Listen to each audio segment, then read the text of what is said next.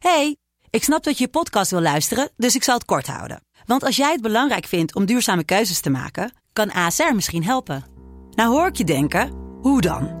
Nou, bijvoorbeeld bij het duurzaam herstellen van schade. Of de premies die we beleggen volgens ons duurzaam beleggingsbeleid. Dat bepaalt waar we wel en juist niet in investeren.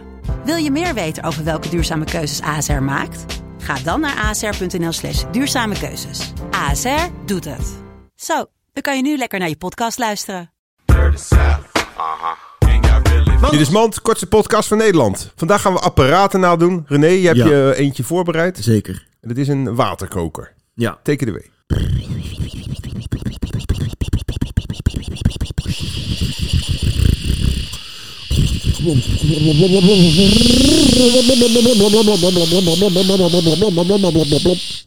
Dit was Mand.